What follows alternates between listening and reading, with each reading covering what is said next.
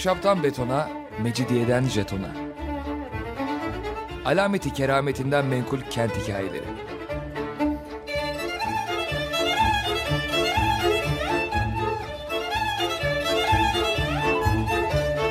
Hazırlayan ve sunan Pınar Erkan.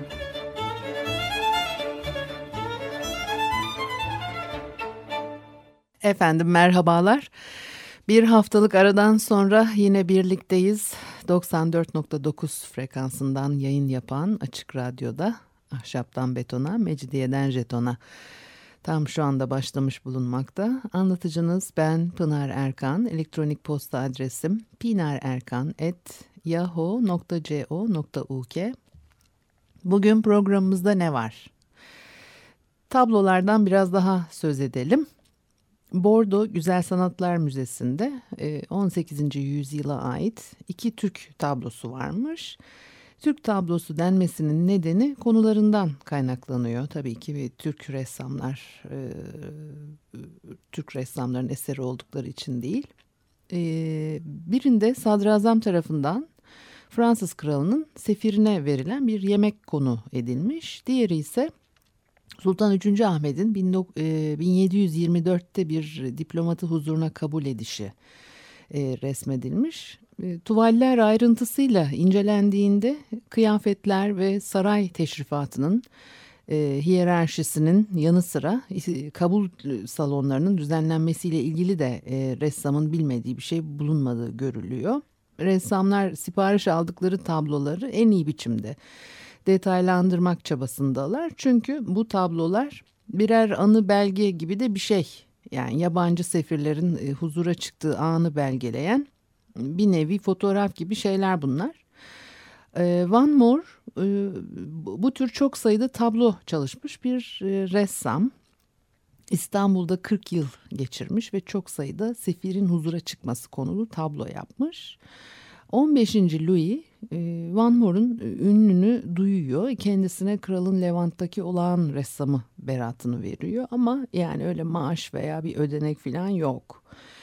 Ee, sadece bir onore eden bir berat bu. Ve Van Moore siparişleri kendi başına yetişemediği için yanında başkalarını da yetiştirmiş. Ve o öldükten sonra da Van Moore ekolü diye anılan bir e, grup e, sultan huzuruna kabul tabloları yapmaya devam ediyor. Tablolar da haliyle birbirine benziyor. 15. E, yüzyıldan 19. yüzyıla kadar e, saray teşrifatı pek değişmiyor. Bu tablolardan bir şey öğrenmek mümkün elbette. Yani çok şey öğrenmek mümkün. Padişah huzuruna çıkmak ender olan bir şey. Diplomatlar İstanbul'a geldikleri zaman teminat mektuplarını sunmak için bir kere huzura çıkıyorlar giderken de yine çıkıyorlar ve huzura çıkarken hilat e, giydiriyorlar diplomatlara. Böyle süslü, e, işlemeli filan e, bir kaftan bu. Üstlerine sırmalı, işlemeli süslü kaftanları geçiriyor diplomatlar ve başlarında üç köşeli şapkalarını ve altındaki pudralı perukalarını tutmalarına izin veriyorlarmış. Solnon diyor ki böyle Osmanlılaştırarak sarayın arz odasına alınırlardı. E, odada e, sultan gösterişli yastıklarla donatılmış balda kendi tahtında oturuyor. Farklı kaynaklarda farklı şekillerde de anlatılabiliyor bu kabul biçimleri. E, padişahın önünde ayakta duran iki görevlisiyle sadrazam aracılık ediyor yabancı heyete. E, Tablolarda dragomanları da resmetmişler. Tercüman demek dragoman. Heyet ne diyorsa usulünce tercüme ediyor sadrazama. Sadrazam da bunu e, padişaha bildiriyor. Padişah e, fazla konuşmaya tenezzül de etmiyor. E, böylece yabancı diplomat huzurdan ayrılıyor. E, Osmanlı padişahı sohbete girişecek değil. E, diyalog kurmuyor. İradesini buyuruyor sadece. Bu Dragoman meselesi de enteresan. Belki onunla da ilgili ayrıca bir e, konuşabiliriz başka bir zaman. Yani genellikle e, gayrimüslim cemaat mensuplarından oluşuyor e, Dragomonlar ve e, yurt dışında da bir takım okullar açılmış falan. Yani bunlar sadece tercüme de e, yapıyor değiller. E, bir çeşit diplomatlık görevleri de var ve e, yani işte e, anlaşmalarda filan önemli roller oynamış e, meşhur bir sürü adam var bunların içinde. Şimdi e, bu diyalog kurma, konuşma meselesine gelince e, yabancı diplomatlarla, elçilerle ilk başlarda padişah e, elçiyi selamlamak için ayağa da kalkıyormuş. Ama bu Kanuni'den sonra değişiyor. E, Kanuni Sultan Süleyman kendisinin hükümdar imgesini yüceltmek için saraydaki teşrifatta değişiklikler yapıyor. Çok değişiklikler yapıyor. Artık bir kere yani bizi ilgilendiren hani kısmıyla ayağa kalkarak elçileri onurlandırmıyor. Huzurunda oturtmuyor. Hatta onlara tek bir sözcük bile etmiyor. Ayrıca yüksek bir sofa üstünde bağdaş kurmak yerine Avrupa tarzı bir tahtta oturmaya başlamış ve e, yani bu konuda da çok değişik yorumlar var bir sürü görgü tanığından veya işte e, diplomatlardan. Pietro Zeno mesela 1530'da e, Venedik senatosuna yazdığı mektupta sultan tahtında bizim üslubumuzla oturuyordu. Tapılmak üzere sergilenen bir ilaha benziyordu diyor. Bir e, seferinde de e, başka bir elçi değerli taşlarla bezeli halı üzerinde ayakkabısını kaybetmiş. Ayakkabısını ararken gülüşme olmuş filan. Yani bunlar tabii büyük olay. Ne demek öyle padişah huzurunda gülüşme olması? İtişip kakışıyorlar mı? Nasıl mümkün oluyor böyle bir şey? Yani ayakkabısını kaybetmesi o da enteresan. E, gelenler sürekli e, taht ve kumaşlar üzerindeki mücevherlerden söz ediyor. Ve sultanın oturduğu taht günümüzde de sarayda sergilenmekte fakat mücevherlerin çoğunu yitirmiş zannediyorum. E, padişah huzuruna çıkılan arz odası da yıkılmış ve yeniden e, e, yapılmış. Bu konuda bir takım veriler var fakat kapsamlı değil. E, ayrıca farklı zamanlarda İstanbul'a gelmiş elçi ve diplomatların arz odasını e, farklı biçimlerde betimlediklerini görüyoruz. Çok büyük benzerlikler de var. İşte oradan anlıyoruz yani aşağı yukarıda e, neyin nasıl yürüdüğünü bizdeki kaynaklar haricinde. Örneğin Shepard 1533'te şöyle diyor. İmparator Süleyman bütünüyle altın dokumalı kumaşla örtülü, sayısız değerli taşlarla kaplı yüksekçe bir tahtta oturuyordu. Çevresinde paha biçilmez yastıklar vardı. Odanın duvarları lacivert ve altın levhacıklardan oluşan mozaiklerle kaplıydı. Ocağın dışı altın yaldızlı som gümüşten yapılmıştı. Odanın bir tarafındaki duvar çeşmesindense su fışkırıyordu. E, tahtın yanındaki küçük çeşmeye de altın bir maşrapa iliştirilmiş. Başka biri 1537'de yerlerin e, halı döşeli olduğunu söylüyor. Sultan altın tahtında tek başına oturuyormuş. Yani herhalde yanında sadrazamını da sıkıştıracak hali yok ya. Odanın tavanı altın ve çeşitli renklerle boyalı. Duvarlar ve ocak yaldızlı bitkisel motifler ve olağanüstü değerli taşlarla süslüymüş. İtalyan bir yazar e, sultanın sarayındaki bazı odaların duvarlarının mücevher kakmalı altın levhalarla kaplı olduğunu e, anlatıyor. Mesela 1550'lerde Gilius altın ve gümüşle bezenmiş, elmas ve değerli taşlarla parıldayan, mermerden yapılma küçük bir daire olarak tarif ediyor arz odasını. Değişik metinlerde yakut, zümrüt ve inci kakmalı gümüşten ocağın e, mineli delik işi tekniğiyle yapıldığı da aktarılır. Günlük kullanımda e, altın iplikle işlenmiş kadife, ipek ya da atlas e, kullanılıyormuş. Önemli ziyaretçiler geldiğinde ise daha özel yaygılar e, çıkarılıyor. Küçük inciler, yakut, firuze ve zümrüt kakmalı altın paftalarla bezeli altın dokumalı kumaşlar bunlar. Viyana kuşatması esnasında yine böyle görkemli bir atmosfer e, oluşturulmuş. 1532'de Habsburg İmparatoru 1. Ferdinand'ın e, elçileri anlaşma yapmak için e, sultanın otağına huzura çıkıyorlar ve bir taburenin üstünde e, sultan için Venedik kuyumcularına yaptırılan değerli taşlarla süslü üzerinde dört haç bulunan altın bir miğfer duruyormuş. Ferdinand'ın elçileri değerli taş bolluğu karşısında şaşkına dönmüşler. Bunu çok net ifade ediyorlar. Topkapı Sarayı'nın arz odası da bundan aşağı kalacak değil herhalde. Yani Osmanlı İmparatorluğu 18. yüzyıla kadar Avrupa'yı küçümsüyor. Ee, düzenli veya devamlı elçi göndermek, bulundurmak gibi bir adet e, yok. Ee, Avrupa'da ikamet eden Türk tüccar sayısı da az ve Venedik'te küçük bir tüccar kolonisi varmış. Önceleri dağınık halde varlıklarını sürdürürken sonradan işte ne o 1620'lerde büyük kanal üzerinde depo gibi bir yer tutuyorlar ve yani işte bur burası da nasıl gene herhalde çok kullanımı verimli olmamış. Sonra bir de yani burayı otel gibi mi kullanıyorlar ne yapıyorlar onu da yani bir kaynaklarda yazıyordur da onu ben çok iyi bilmiyorum. Şimdi ticaret dışında merak edip de gelen de pek yok. Yani Avrupa'ya karşı böyle bir enteresan yaklaşım var. Evliya Çelebi bile Avusturya dışında başka bir Hristiyan ülkesi görmemiş e, diplomatik misyonlar 16. yüzyılda biraz artıyor. 1533'te Fransa ilk kez padişahın resmi bir temsilcisini ağırlıyor. Yani saray bu temaslara çok önem vermiyor. Temsilci de gerçek bir elçi değil. Genellikle çavuş gibi düşük rütbeli bir görevli. Yani böyle zayıf bir mahiyetle e, yolculuk yapıyor.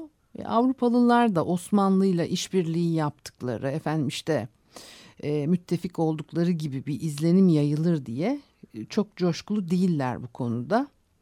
E, hatta e, kimi zaman e, işte böyle bir sebepten dolayı elçi gönderilecekse e, sarayı caydırmaya çalıştıkları yönünde de bir takım bilgiler var. 1581'de Paris'e giden Osmanlı temsilcileri mesela 3. Hane'nin aşırı Katolikler tarafından Türk kral diye yapsalanmasına sebep olmuş. Yani böyle şeylerden çok çekiniyorlar.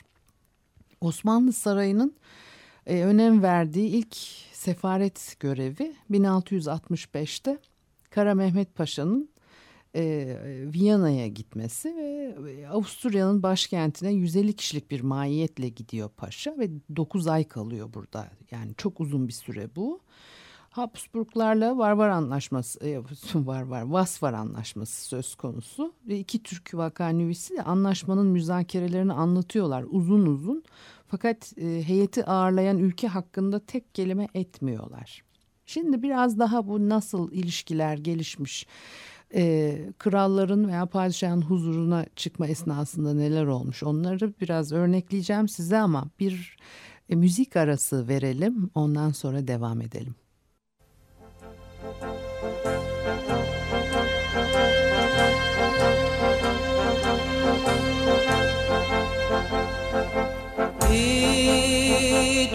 Mi hiç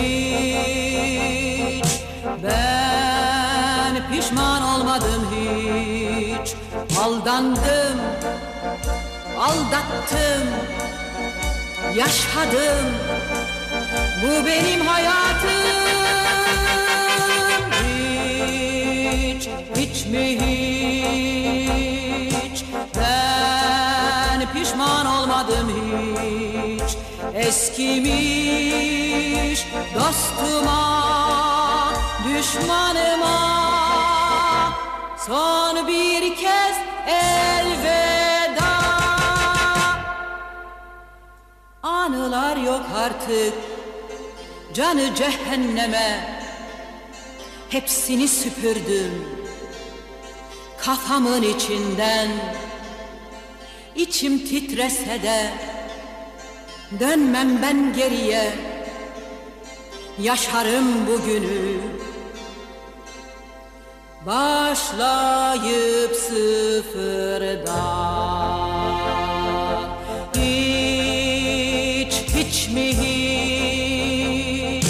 Ben pişman olmadım hiç. Aldandım aldattım, yaşadım. Bu benim hayatım. Hiç, hiç mi hiç? Ben pişman olmadım hiç. Dün gece başladım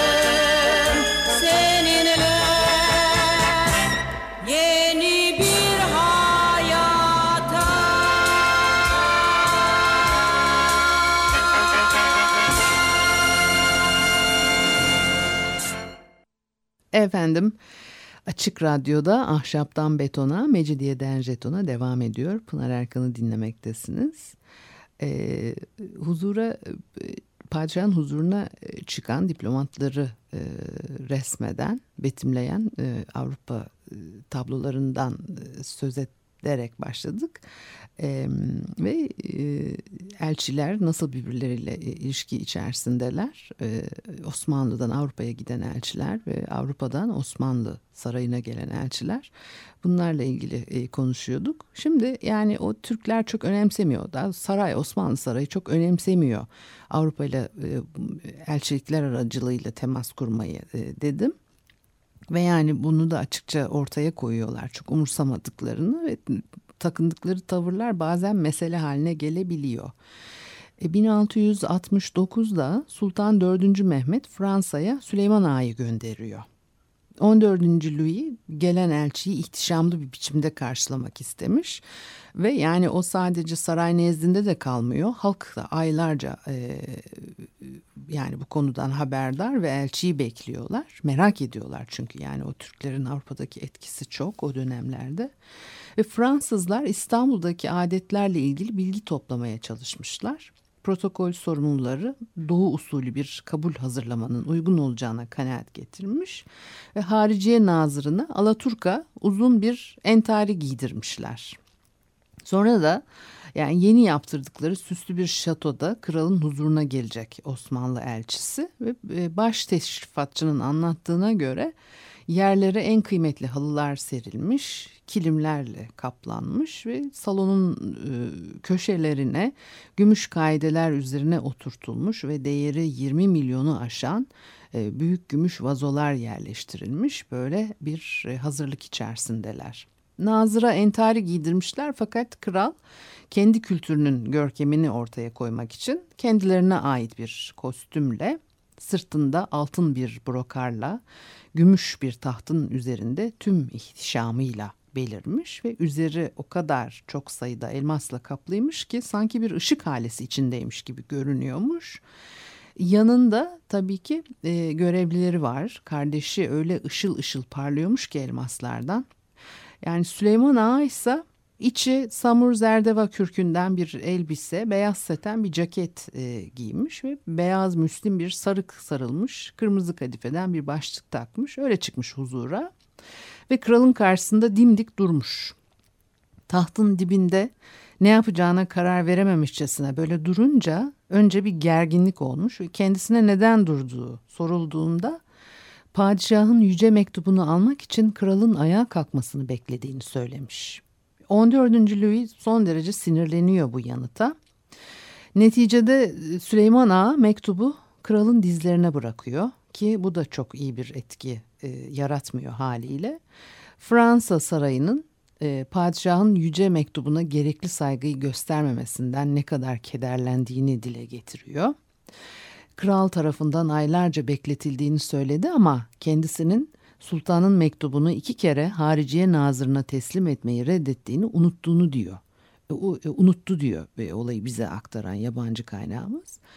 Süleyman Ağa'nın e, tavrı bununla da bitmemiş.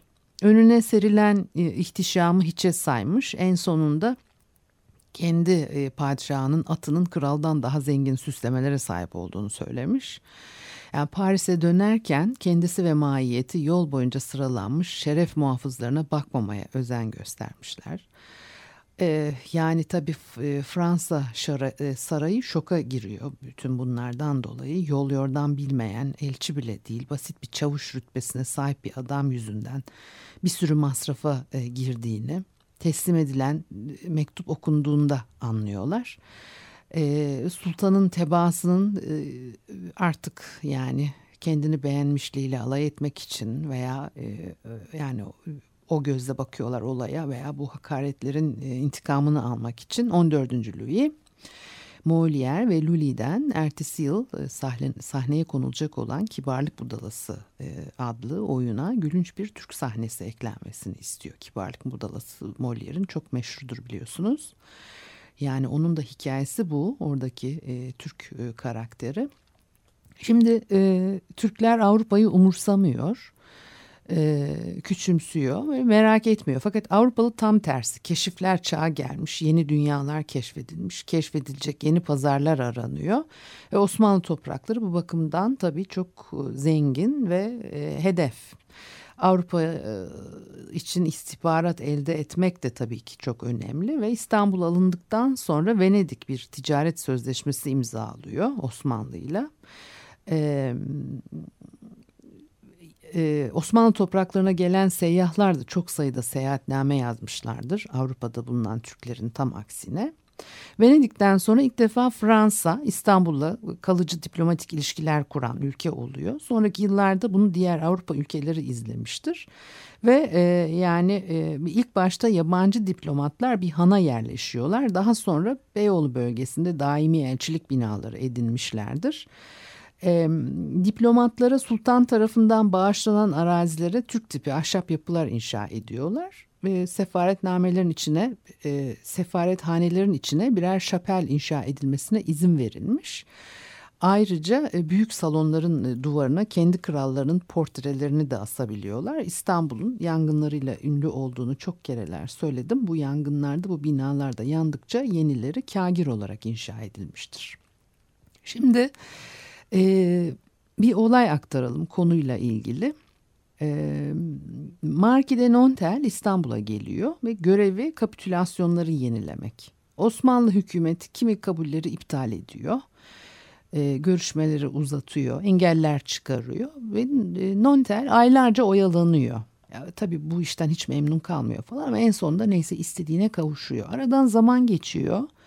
Bu sefer sofa kavgası diye bilinen bir e, kriz patlak veriyor. Sadrazam o güne dek bir saygınlık eşitliği işareti olarak Fransa sefirinin iskemlesini e, sefirin karşıladığı sofanın üzerine koymasına müsaade ederken 1677'de Sadrazam Kara Mustafa Paşa bu ayrıcalığa son veriyor.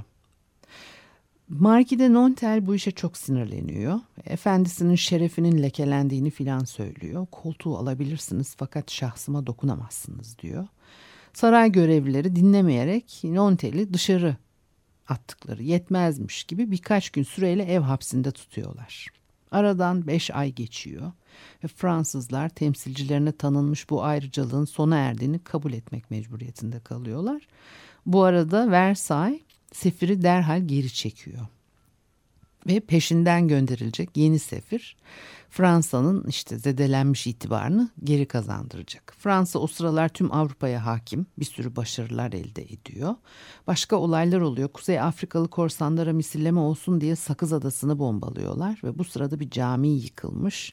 Yüzlerce Müslüman ölüyor filan ve bir kabul sırasında sadrazamdan daha aşağıda oturmayı reddeden Fransız sefiri ayakta duruyor. Yani görüşmeler sırasında e, ayakta niye ayakta duruyorsun diye adamı zindana atmakla e, tehdit etmişler ve 14. Louis gelip zindanın kapılarını açacağını bildirmiş. Bu sırada e, Viyana bozgunu oluyor ve Sadrazam Kara Mustafa Paşa da ila, e, idam ediliyor. Böylece kavga e, Fransa lehine sonuçlanıyor. Diplomatlar yeniden gelip sofaya oturmaya başlıyorlar filan. Ayrıca o zamana kadar sultanın karşısında yeri öperken bundan sonra sadece eğilmekle yetiniyorlar. E, yeni gelen sefir Osmanlı tarzı giyinmeyi seven bir adam ve becerikli bir adam. Dolayısıyla saray ricalinin sofralarına davet edilecek kadar da iyi ilişkiler kurmayı becermiş. Fakat bir iftira çıkıyor hakkında ve o, e, Fransa'da onu hemen geri çağırıyorlar. Onun yerine e, gelen Comte de Feriol çabuk öfkelenen, alıngan bir adam bir sürü gerilim yaratıyor. Onun da kılıç meselesi e, meşhur. 1699'da sultanın huzuruna belinde kılıçla çıkmalara kalkışmış. Tercüman adetlere uygun değildir. Çıkarınız diyor. Halbuki Versailles'da kılıç şatoya girmeyi sağlayan bir şey. Ve Feriol kılıcını efendisinden aldığını ve onu kimsenin çıkaramayacağını söylüyor. Sultan II. Mustafa adamı dışarı attırıyor. Peki dur sen belinde kılıcında diyerek ve Feriol öfkeden çılgına dönmüş. Adamlarına sırtlarına giydirilmiş kaftanları çıkarttırıyor. Kaftanları bir güzel çiğneyerek yürüyüp gidiyor filan. Ondan sonra da yani 11 yıl İstanbul'da kalmış ama bir daha hiç saraya uğramamış. Evet. Bugünlük de bu kadarmış. Hikayelerimiz elektronik posta adresim pinarerkan.yahoo.co.uk Haftaya görüşene kadar hoşçakalınız.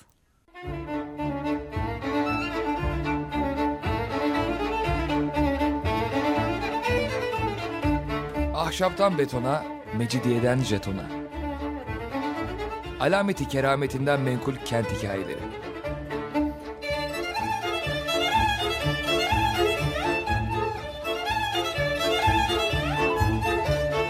Hazırlayan ve sunan Pınar Erkan.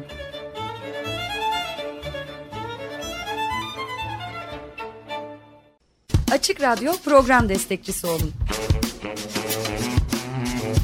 Bir veya daha fazla programa destek olmak için 212 alan koduyla 343 41 41